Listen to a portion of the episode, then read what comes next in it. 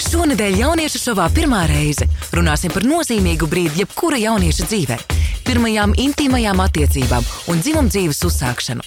Studijā viesojas sabiedrības veselības speciāliste no biedrības papardes zieds Laura Ieva Feldmane un mūsu viesi Varis, Elīza, Renāte un Gundars.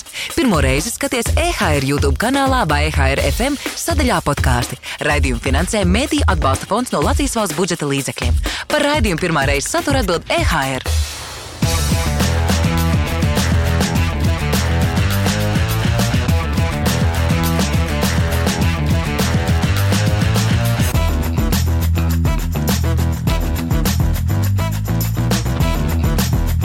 Čau, čau! Šīs dienas raidījumā pirmā reize mēs runāsim par pirmo seksuālo pieredzi.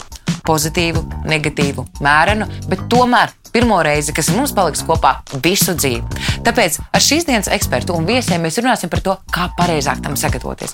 Kā saprast, vai tu vispār tam esi gatavs un ko tev iesākt pēc tam.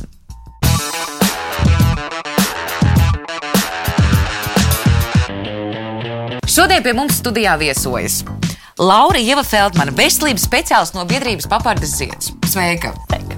Kā arī mūsu šīs dienas viesi, kuri noteikti negribējās sevi asociēt ar vārdu jaunieši, tāpēc vienkārši forši cilvēki. Renāte, Elīza, Gundars, ne jaunietis. Es tev kācināšu šo jautājumu. Un Vāris. Čau, paldies jums liels par to, ka jūs šodien esat atnākuši. Šīs dienas tēma ir tāda, Es saprotu, ka daudz cilvēku negribēja piekrist par to runāt. Mēs runājam par pirmo reizi, kas notiek tad, kad mēs pazaudējam savu nevainību.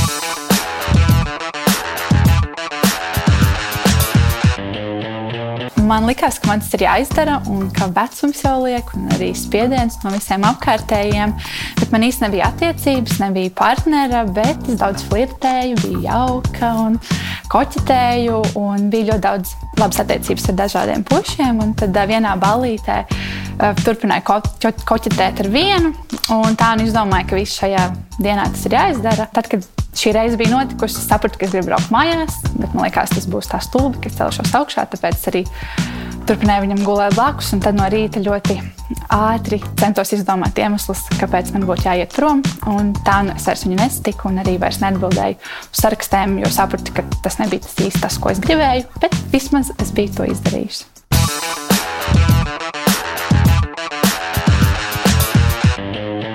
Vai ir vispār tāds pareizais brīdis un laiks dzimuma dzīves uzsākšanai? Nu, nav. Nav, man arī tāds sajūta ir, ka nav. pareizais. Tur ir vienkārši vairāk apstākļi.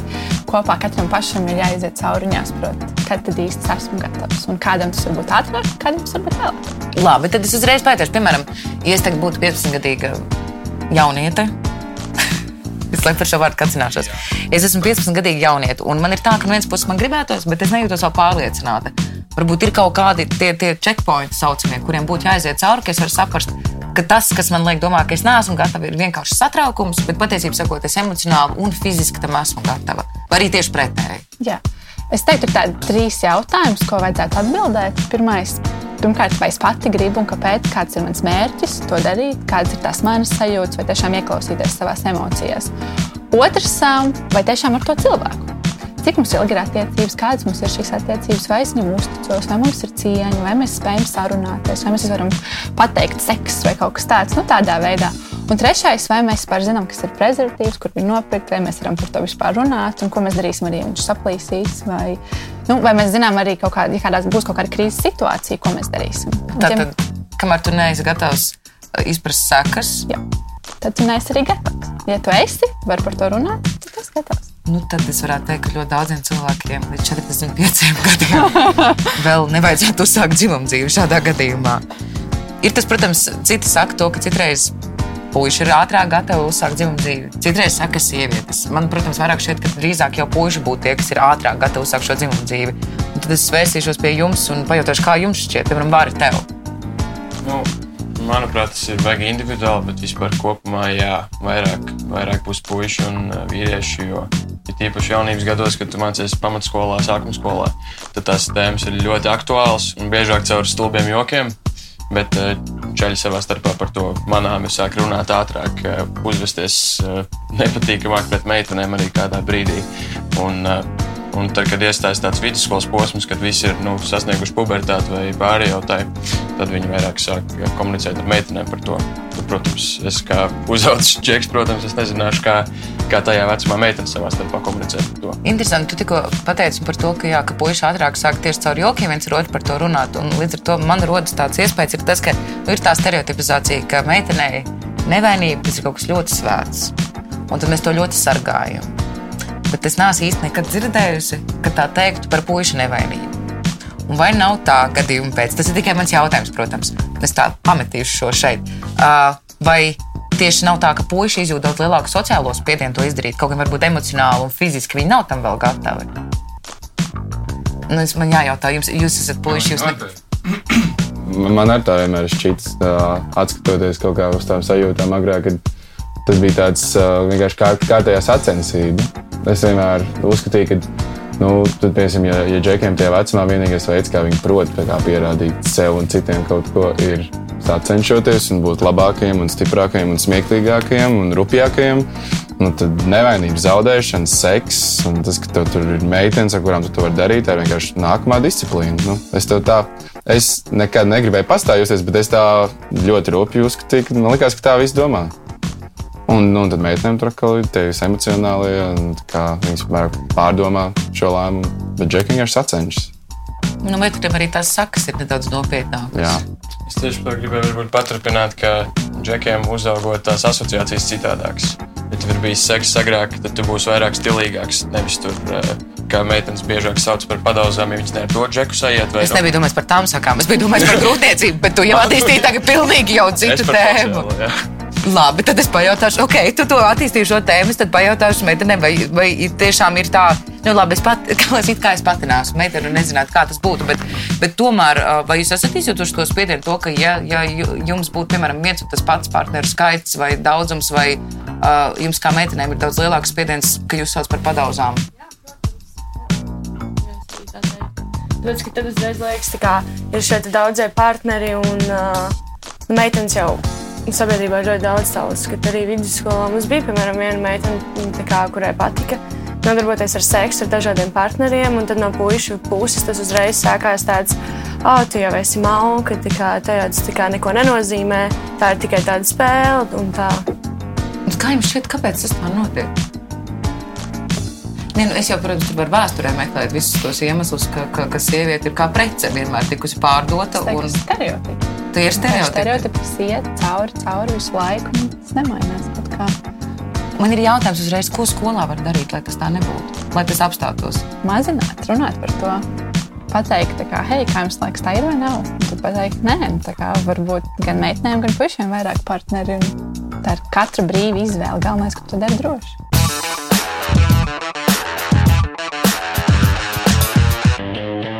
Es, es visu savu jaunību biju nenormāli. Es nenormāli gribēju seksu visu laiku. Man ļoti patīk eksperimentēt, tāpēc es šausmīgi centos izvairīties no nepatīkamas un dramatiskas pieredzes, mm, ballītēs un tam līdzīgi.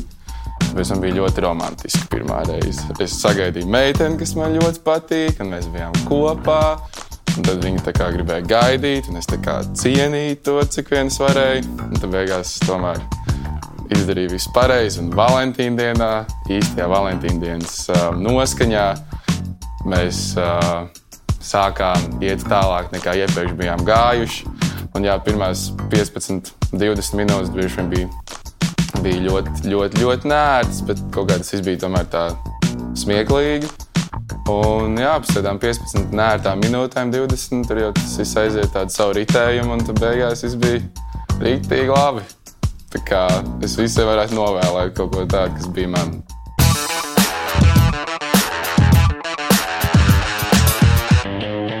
Vai šobrīd skolās ir kaut kas, ko mēs varam darīt? Jo skola jau ir tā vide lielākoties, no kurienes tas nāk, protams, arī mājās.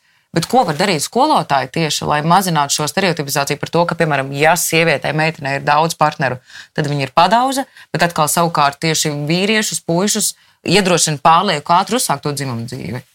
Jā, nu, protams, ka runāt, komunicēt, bet ne jau visi skolotāji būs gatavi runāt. Nu, kā, tad labāk, ja tu neesi gatavs un tu nevari darīt to, tad tajā vietā tas, jā, nu, tas nederēs. Bet uh, par pasauku par dziedu mums ir nodarbības, ka mēs tiešām to izrunājam, mēs mazinām stereotipus. Uh, šis īstenībā ir viens no apgalvojumiem, ko mums ir tādi apgalvojumi. Mēs prasām jauniešiem viedokļus, un šis tiešām ir viens, ko mēs jautājam. Uh, Un lielākoties īstenībā jaunieši saka, nē, bet, bet vecāki cilvēki tā vēl projām uzskata. Un tiešām runāt un mēģināt parādīt, ka tā nav jābūt.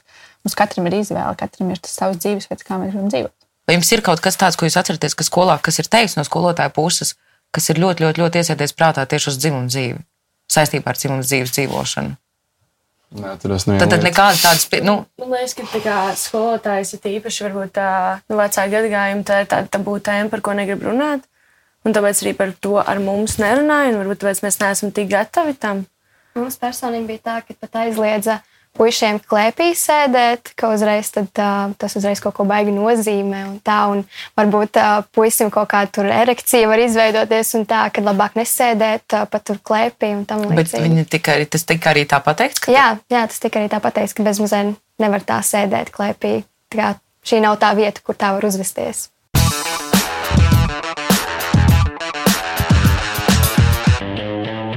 Tas notika ar manu pirmo puisi, kad man bija 16 gadi. Tas bija apzināts lēmums, un mēs tam abi bijām gatavi.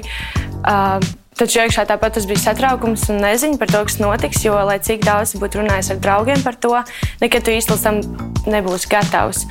Un es biju gatava tam, ka varētu asiņot, ka varētu sāpēt, bet es nebiju gatava tam, ka man varētu nebūt baudas. Jo par to man neviens nebija teicis, ka meitenēm pirmajā reizē var arī nebūt tās baudas. Un es ilgu laiku vainoju sevi, jo man liekas, ka es izdarīju kaut ko varbūt nepareizi, mm, un es nevarēju pēc tam atkal saņemties to darīt. Bet uh, man bija liels atbalsts no puikas, un viņš arī man neko nespieda. Tāpat arī es īstenībā nekad nejūtu spiedienu no draugu loka, no sabiedrības, no vienaudžiem par to, ka tas ir jāizdara līdz kaut kādam noteiktam vecumam. Tāpēc man liekas, būtu tāda pozitīvā pieredze par to.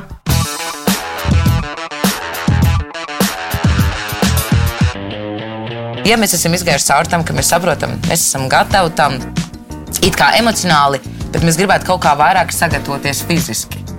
Te būs jautājums atkal tev, Laura, kā profesionālim. Vai ir kaut kas tāds, ka es, es tagad saprotu, es būšu gatava, es tagad vēlos zaudēt savu nevienību? Kā es varu sagatavoties tam? Fiziski. Fiziski, tieši fiziski. Kā, par ko man vajadzētu padomāt? Vai tu pats jūties ērti un labi? Vai tu pats jūties ērti? Respektīvi, man nevajadzētu pirms tam, piemēram, aiziet, neieteikt jauniešiem tur iet pirms tam pie ārsta vai meitenēm pie ginekologa. Nē, pie ginekologa principā ir jāiet tikai tad, kad ir vajadzība. Mm -hmm. Obligāti, nu arī nosacīt obligāti uzaicinās 25 gados, kad būs uh, skrīnings uh, dzemdas kakla vēzim, bet līdz tam, ja tev nav vēlmes un tu negribi, tu vari nedoties. Parasti vienkārši meitenes pašas izvēlās, tad, kad ir bijušas seksuālas attiecības, varbūt grib lietot hormonālo kontracepciju. Tad viņas var aiziet, izrunāties ar ārstu, pastāstīt savu pieredzi un saprast, kādu tieši hormonālo kontracepciju lietot. Bet līdz tam, ja nekas nesāp, nav problēmas, pie ginekologa arī nav jāiet. Un ginekologs arī nepārbaudīs, ja nebūs bijušas seksuālas attiecības. Tā. Labi, tad, tad, kad jau tad man ir bijušas seksuālās attiecības, arī tad man nevajag vērsties pie ginekologa. Nu, jautājums ir, Tā labāk būtu, protams, tā kā reizi gadā iet, nu, kad mēs esam tāpat uzsākuši. kā pie zobārsta. Jā, jā, tieši tā, nu, vienkārši pārbaudīt. Ja mēs mainām partnerus, protams, tad arī vajadzētu vispār kopīgi vajadzētu ar partneri pārbaudīt arī seksuāli transmisīvās infekcijas, jo risks vienmēr pastāv, ja mums ir seksuāls attiecības. Nu, tā. Bet man tāds iespējas rodas, ka, piemēram, mēs tagad runājam par tām visām lietām, kas var notikt ar mums, eh, bet kaut kā par seksuāli transmisīvām slimībām nevienā mirklī neviens nerunā. Tā ir liela problēma īstenībā. Jo bieži vien meitenes saskarās ar to, ka puiši atsakās vilkt prezervatīvus. Tā kā viņiem vai nu spiež, vai nu viņi saka, ah, es jau paspēju izvilkt, ko tu neuztraucies, tā es labāk jutīšu un tam līdzīgi. Un, jā, tajā brīdī neviens tik daudz nav runājis par tām transmisīvajām slimībām, kā meitene piekrīt. Un domā, ok, labi, tā kā nu, cerēsim. Jā. Un tad es arī burtiski piekrītu tam, ka noteikti reizi gadā noteikti meitenēm jāpārbaudās, jo Es pati esmu ar to saskārusies, kad um, es aizēju, man pasaka, ka man ir kaut kāda transmisīvā slimība, bet man nebija nekādas izpausmes, ka man būtu. Tad tu esi pārnēsātais vienkārši. Jā, jā, ka es vienkārši biju pārnēsātāja. Un tad, jā, noteikti meitenēm, kad uh, puisis uh, atsakās vēl prezervatīvu, arī pat saka, ka viņš ir bijis pārbaudīties, nu, vispār neticēt uz vārda, kad labāk tomēr būtu reāli redzēt, kad patiešām ir pārbaudījies. Tādēļ, jā. Mēs esam tik tālu nokļuvuši. Mm. Bet vai tad tiešām tad ot, no otras puses ir, tu satiec to puisi un tev viņam prasīt papīru? Nu, bez maz vai nu tā gan izvēl sanāk. Jo daudzi saka, jā, ka es esmu, kaut vai nu, viņi vienkārši grib tajā brīdī to seksu. Viņi labāk pateiks, jā, ka ir, kaut vai viņi nav bijuši pārbaudīties. Mm. Tas var būt Nu, viens, ir, viens ir tas, ja jūs esat attiecībās, jā, bet otrs ir tas, ja, piemēram, ir daudz cilvēku, kuriem labāk patīk viens nakts sakari, un tad eh, tādiem noteikti. Nu, tur ir jā, izsargāties. nu, izsargāties, protams, jā. Bet, nu, Tad citu mozaīkā var aiziet pa velti, pieteikties, un var aiziet pa velti. Labi, tur nevarēs visu pārbaudīt, bet tur plus mīnus desmit minūšu laikā par hepatītu, par HIV, un man šķiet, tur pat vēl kaut kas bija hlamīdijas, ja nemaldos. Sifilis, sifilis, jā, tā tad ir kaut kādi trīs lielie. Jo tad arī, es tagad atkal pie puišiem. Nu, redz, mēs te, šobrīd mēs te runājam par to, cik bieži sievietei ir jāpārbaudās, vai sievietei ir jāiet pie ginekologa. Nevienā mirklī mums neizskanēja jautājums, vai puisim ir jāiet pie urologa. Pēc idejas tas būtu tas pats, kas kā sieviete reizes gadā aiziet, tā jūs aiziet un pārbaudieties. Vai arī, ja jūs nomainat partneri, tad, tad pirms jau no dzimuma attiecību uzsākšanas jūs arī doties un pārbaudieties. Kāpēc ir tik milzīga stigma vīriešu vidū, puišu vidū par to pārbaud, par pārbaudīšanos, došanos pie ārsta? Ir vienkārši vīrieši mazāk uztraucās par savu veselību kopumā. man liekas. Un tad tā kā liekas, ka tas jau nav nekas tāds, ka, ka gan jau viss ir kārtībā un tāda nezinu, vienaldzība. Jā. Ļoti, ļoti, ļoti parasts izskaidrojums, man liekas, tam ir. Jums vecāki kādreiz ir teikuši, vai tētis ir jāaiziet pārbaudīties? Tad īstenībā tur tā lieta, ka dažkārt tas tiek pacelts, bet, eh, teiksim, ja ir māsas vai, eh, vai draudzenes, tad viņiem bieži vien dzird, ka tas ir biežāk pacelts temats nekā vīriešiem urologs. Un tas būtu jāakcentē arī, manuprāt, seriālos vairāk un video klipos, jo tas ir tas, tās vietas, no kurienes jaunieši dabū to informāciju. Mm -hmm. Bieži vien, diemžēl, tā ir. Un tur arī parasti tiek attēlots, kā sievietes apmeklē ārstus. Un par vīriešiem tas temats tiek aizskatīts daudz mazāk. Un tad arī eh, jauni zēni, vīriešu pusauģi bieži vien par to neaizdomājās, ka viņiem tas būtu jādara. No kurienes jūs meklējat informāciju? Vai esat vispār meklējuši? Um, biežāk jā, no interneta vienkārši uzēs kaut kādu video, vai arī pats meklē speciāli kaut kādu informāciju.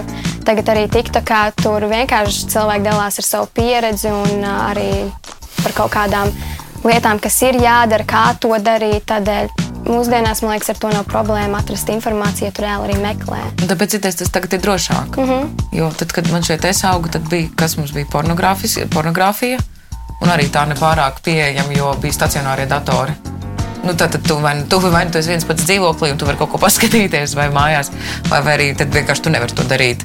Kaut kādu žurnālu, kurš varbūt kaut kur varētu tikt. Kā īstenībā tas ir pat veselīgāk, tas, kas tagad notiek. Jūs tieši domājat par to, kādā veidā var sagatavoties tam, lai tu ne tikai arī no drošības viedokļa izprastu, kas notiek, bet lai tu vienkārši saproti, kas mm. notiek.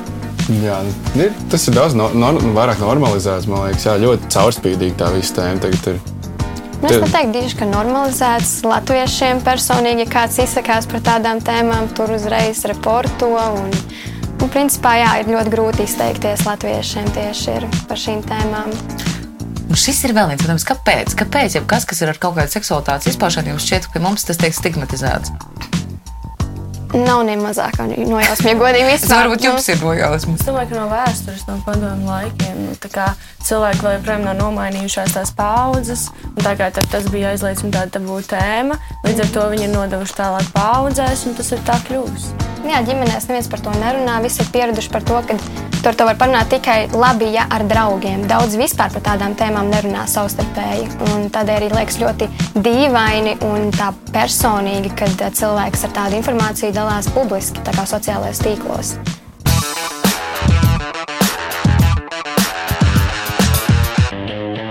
Ja godīgi, man bija tādi trīs mēģinājumi pirmajai reizei seksuālajai, jo pirmo reizi izdo- izdomāju pamēģināt.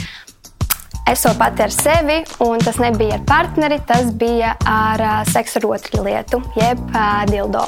Un, uh, bija nedaudz asinis, bija nedaudz tādas dīvainas sajūtas, bet uh, man patika tas, ka es to varēju pati kontrolēt, kā tas viss notiek.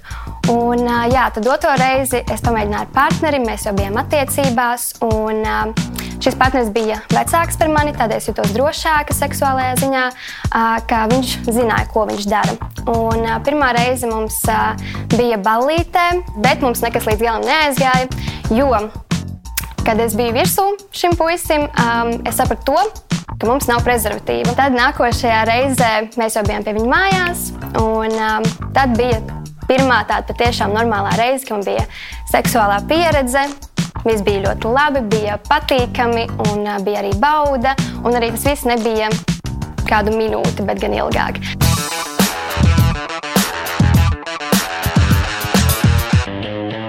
Tas, kas tiek ļoti, ļoti, ļoti stigmatizēts, vismaz manā laikā, tas tā tika, kad man bija tie 11 gadi, masturbācija. Vai par to arī ir jautājums, vai par to vispār kāds ar jums runā? No mums neviens, bet man liekas, ka, man liekas, ka man, pēc manas pieredzes tas gan ir tik normāli, ka es atceros, ka vidusskolas laikā, nezinu, Džeki par to pilnīgi starpbrīdī pļāpāja. Es nekad, tajā ne, es nekad to nevarēju saprast, bet man, nu, man liekas, ka man liekas, ka jauniešu vidū tā, pēc manas pieredzes, tas ir jā, ļoti pašsaprotama lieta un nav kā kaut kāda aizspriedums to vairāk. Man, man liekas, ka tas ir citādāk meitenēm, tāpēc, ka labi, varbūt es par, ar savām draudzenēm un draugiem par to runāju. Bet tā pašā laikā puišiem tas ir normalizēts. Visi zina, ka viņi to dara, viņi par to joko. Bet es nezinu, kā ir ar meitenēm. Vai, nu. Ar meitenēm jā, ir diezgan citādāk. Vispār ir tāds stereotips, ka mums seks nepatīk, un mēs par to nedomājam. Un čaļi ir tikai tie, kas. Nu, sievietes ir kaut kā tiek uztaisītas par tādām aseksuālām jā. būtnēm, kuras ir seksuāls tikai vienam konkrētam cilvēkam, un pēc mm -hmm. idejas seks ir nepieciešams tikai, lai radītu bērnus. Mm -hmm, mm -hmm. Vai mīlestība un seks ir viens un tas pats, jūsuprāt? Nē. Nē, nu es jau. Te ir tikai jūsu viedoklis. Tas ir, tas ir tikai kā jums pašiem šķiet. Un vai tad, jo es, piemēram, es domāju, nu, kā, kad es jautāju tev par to pirmo reizi, uh, tad tu tā ļoti skaisti pateici par to, ka, nu, vai tas otrs cilvēks, vai mums ir mīlošas attiecības, vēl kaut kas. Bet ir, piemēram, tādi cilvēki, kurus tiešām neinteresē šo savu pirmo reizi sasaistīt ar konkrētu personu. Viņi vienkārši grib izdarīt šo darbību. Un tas arī nav nekas slikts. Un šis cilvēks arī ir absolūti gatavs tam. Viņš vienkārši negrib to darīt kaut kādā šāda veida nu, mīlošās attiecībās, piemēram, grib to citādā jā, nu. Piemēram, saprast to mērķi, kāds ir tas seksa mērķis, un tam otram cilvēkam arī tā kā tiešām tā piekrišana no abiem diviem. Viņam abiem diviem mērķiem ir vienkārši, hei, šodien satikāmies, vakarā būs seks. Kāpēc gan ne? Ja viņi zina, šodien satikāmies, vakarā būs seks. Nu, kā, ja viņi tam piekrīt, viņi jūtas droši un viņiem abiem ir viens mērķis, jā. Kā, man liekas, svarīgākais vienkārši būt uz tā viena viļņa abiem diviem uz vienu viļņu abiem diviem. Vai jums šķiet, ka seks iet roku rokā ar mīlestību? Vai... Nu, jūs teicāt, jā, nē, tas nav viens un tas pats, bet vai tas iet roku rokā? Nē, nu, savā ziņā, protams, jā, jo nu, tā bieži vien uz mīlestības bieži vien balstītas laulības, un tad, tur arī seks tiek iesaistīts bez variantiem. Bet eh, mūsdienās ir ļoti daudz dažādu attiec attiecību konceptu, un kas arī jauniešu laikos izveidojas, ka tu bieži vien saproti, ka tu neesi gatavs attiecībām, bet tu esi gatavs uh, vairāku dienu sakariem, teiksim, viens nakts sakariem. Un ir ļoti dažādas pieejas tagad cilvēkiem. un bieži vien cilvēki arī ir attiecībās tikai seksa dēļ, bet viņiem nav savā starpā mīlestības. Un tad tas ir ļoti tāds uh, mainīgs veidols ap šo visu, vai tas ir viens un tas pats, vai nav, vai jābūt abiem, vai nav. Un ļoti, ļoti diskutabli. Jā, bet labi. Bet bet kas tas tad... arī otrādi strādā mūsdienās? Man liekas, daudz. Tā, man liekas, vēl viena tēma, par ko runā ļoti daudz, tagad ir kaut kāds psiholoģisks, kā, kaut kāds, kaut kāds traumas un kaut kādas mentālās problēmas, mentālā veselība tiek aprunāta arī. Es esmu pamanījis, ka ir, ir tāds trends. Nu, man arī, bet es domāju, ka, es domāju, ka visi to, visi to ir sajutuši ne tikai es. Kad varbūt arī tagad tas ir arī otrādi iespējams. Es pamanīju, ka ir cilvēki, kur piemēram ir ar kaut kādām tādām traumām un nezinu, kaut kādiem. Kaut kādām, kaut kādām problēmām, piemēram, satavoties, bail satavoties, un tad uh, bail iemīlēties, un tā tālāk. Un tad es esmu Es esmu bijis, man ir bijušas draugu situācijas apkārt, kad, uh, ir tāda pilnīga mīlestība, un viņi tieši tā kā, nu, piemēram, neguļ, bet viņi prot mīlēt bez kā, pārgulēšanas. Un, tā kā tāda, Nu, platoniski, piemēram. Jā, tāda dziļa, platoniska mīlestība. Un, un, un, tad, uh, man liekas, ka ja agrāk, ja agrāk man būtu šķits, kad, uh, ka, var, ka kā, varbūt seks bez mīlestības, bet mīlestība pārsvarā iesaista seksu, man liekas, ka tagad ir pilnīgi hibrīdi, kaut kāda modeļa izveidojušies. Ka varbūt principā jebkāds. Jā, jā, es savā, savā dzīvē esmu kaut kādas instants tāds, jā. Te, tu tā pateici, tā, ka tu esi daudz redzējis. Jā, jā, Tu jā. esi daudz redzējis, to jau es sapratu. Bet tu, tur, protams, par to, to, to vari, par to modeli, ko tu pateici. Uh, nu, tur kā, kā nodrošināties, lai šajā situācijā, kad mums ir tikai seks, mums nav, mēs runājam, ka mums nav attiecības, labi, divi justos droši. Pašā pamatā vissvarīgāk ir, ka jūs esat on the same page, ka jūs mākat runāt viens ar otru, jūs esat atklāti. Jo ar eh, šīm tikai seksa attiecībām bieži vien parādās jūtas vienai vai otrai pusē, un tur tas viss sāk palikt nesmuki no savā starpā komunikācijā. Un uh, es no sava drauga loka esmu redzējis attiecības, kur ir no absolūtas mīlestības uz absolūtu naidu vienkārši dienu laikā. Un tas ir ļoti bīstami. Tādēļ man, man šķiet, mūsdienās svarīgākais ir uzsākt to sarunu, jo tās sarunas, kad tiek uzsāktas, viņas aiziet vienkārši. Ja agrāk cilvēki no tā vairāk izvairītos, tad tagad ar to informācijas lauku, kas mums ir pieejams, cilvēki savā ziņā gaida, kad kāds uzdrošināsies uzsākt to sarunu, tad jau visiem teikt. Un kad to komunikāciju uzsākt, tad, kad jau ir slikti, Vai labāk sākumā, tad jūs iepazīsties? Nē, nu tas tā, nu, jā, nu, tu iepazīsti cilvēku, un tad kaut kādā brīdī, vismaz no manas pieredzes, tu aizies uz randiņiem, sākumā iepazīsti cilvēku. Bet ar, nu, teiksim, trešo, ceturto randiņu jūs jau varat runāt par vairāk lietām, un tur jau ir svarīgi saprast, uz ko, uz ko iet jūsu savstarpējās, uh, savstarpējās attiecības un tas, kur jūs atrodaties.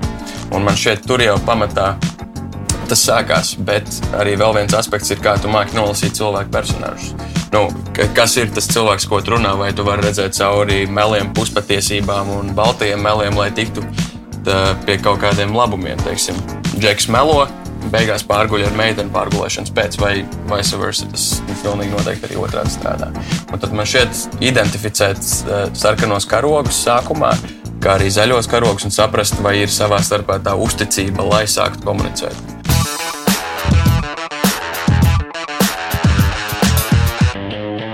Žanai bija 16 gadi. Viņa aizgāja kopā ar saviem draugiem uz ballīti pie viņas ļoti, ļoti, ļoti tuvu drauga brāļa. Uh, drauga brālim meitene patika. Viņš visādi viņai sita kanti. Meitenei viņš gan nepatika. Tad ir kaut kāds mirklis, ka Žana izdzērusi vienu alus glāzi, un tad viņai pazuda sajāga. Žana vairs neko neatceras. Viņas draugi stāstīja to, ka viņa esot kļuvusi agresīvā, viņi ir mēģinājuši viņu aizvest prom, viņa esot pretojusies, bet pat Žana neko vispār neatceras no šī notikuma. Nākamais, ko viņa atceras, ir tas, ka viņa pamostas no milzīgām, milzīgām sāpēm, respektīvi, tajā mirklī viņai tika atņemta nevainība. Uh, šis puisis, vīrietis, visticamāk, viņai glāzē bija iemetis iekšā to saucamo rūpiju, un tāpēc kombinācijā ar alkoholu viņa zaudēja arī sajāgu. Un tad viņa atmodās, uzvilka savu lielā mēteli. Un aizgāja uz mājām, tādā veidā viņa pazaudēja nevainību. Nākamajā dienā viņas jau mīļie, mīļie draugi viņa nopirka avārijas kontracepciju, hodogu Narvisenā ar gurķu salātiem. Un, um, nu tā, Sargājiet savus draugus, pat ja viņi ir agresīvi. Visticamāk, tas nozīmē, to, ka kāds viņam kaut ko glāzītē varētu būt iemetis iekšā. Skatāmies uz zīlītēm, skatāmies uz uzvedību un rūpējamies par savējiem.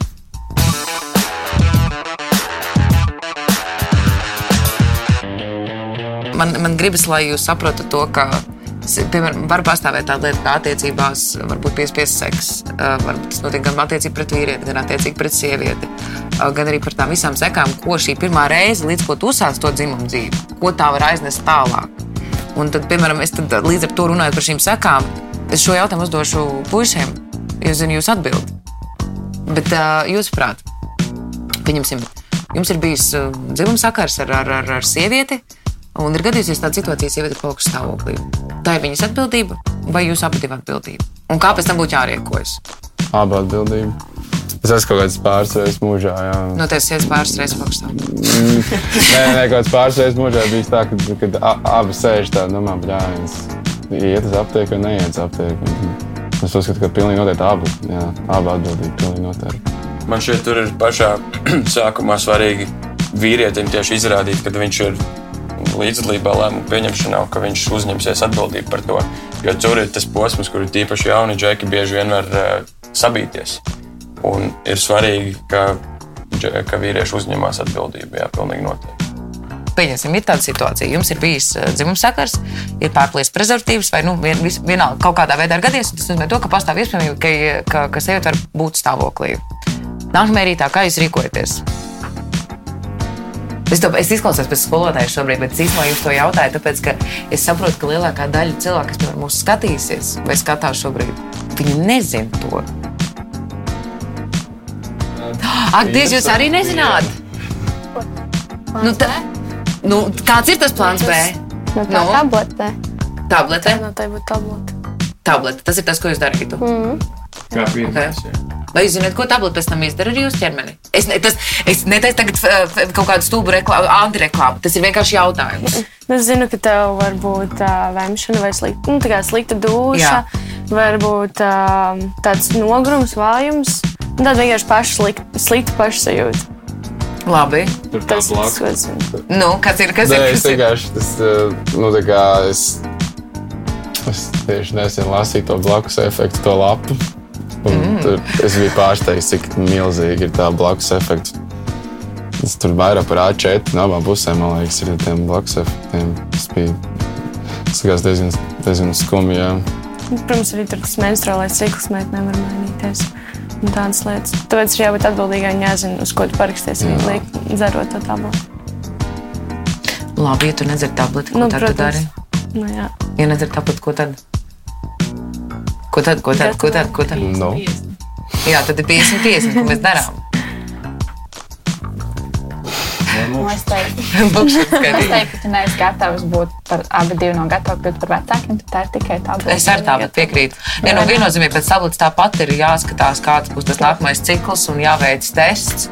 Uh, un ideāli variantā jādodas un uztaisīt HCG testu. Jā, jo arī tā, tā tableta palīdz, ja, ja nav izveidojusies grūtniecība, grūtniecība jau būs paspējusi izveidoties, tad tā tableta vairs neko nemainīs.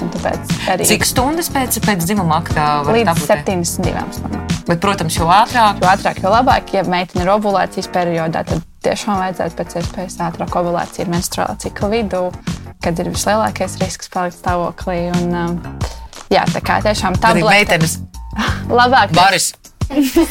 ir, ir, ir tāpēc, tāpēc saku, tas ir tas, par ko ir jāizrunā. Tā kā, hei, ja nav naudas, vai ne, kur mēs dabūsim naudu, arī tā tableta ir jānopērk, viņi ir diezgan dārgi. Nē, es pārbaudīju, cik jau ir, man liekas, 20, 18. Jā, tā kā, nu, tas ir, ir, ir, jāuzņemas atbildība abiem, sagrabināt vai vienalga. Bet, jā, kā es teiktu, tableta un pēc tam novērot šo veselību. aiz- Un tad aiziet noteikti pie ginekologa. Jebkurā gadījumā aiziet Noteikti izstāstīt situāciju, vai tur kā viss bijis.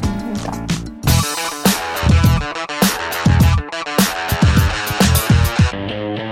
Šodien ar mums kopā bija veselības eksperte no biedrības papardes zieds Laura Ieva Feldmane, kā arī mūsu viesi Gundars, Baris, Elīza un Renāta. Seko mums Instagram, YouTube, Spotify, kas vēl mums ir TikTokā. Var sekoties, piesako visur, kur cilvēkiem var piesakot.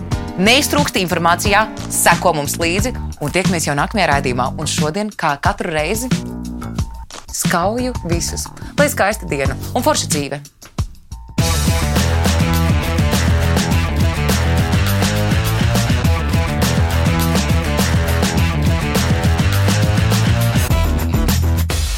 Šonadēļ jauniešu šovā pirmā reize runāsim par nozīmīgu brīdi jebkura jaunieša dzīvē. Pirmajām intīmajām attiecībām un dzimumdzīves uzsākšanu.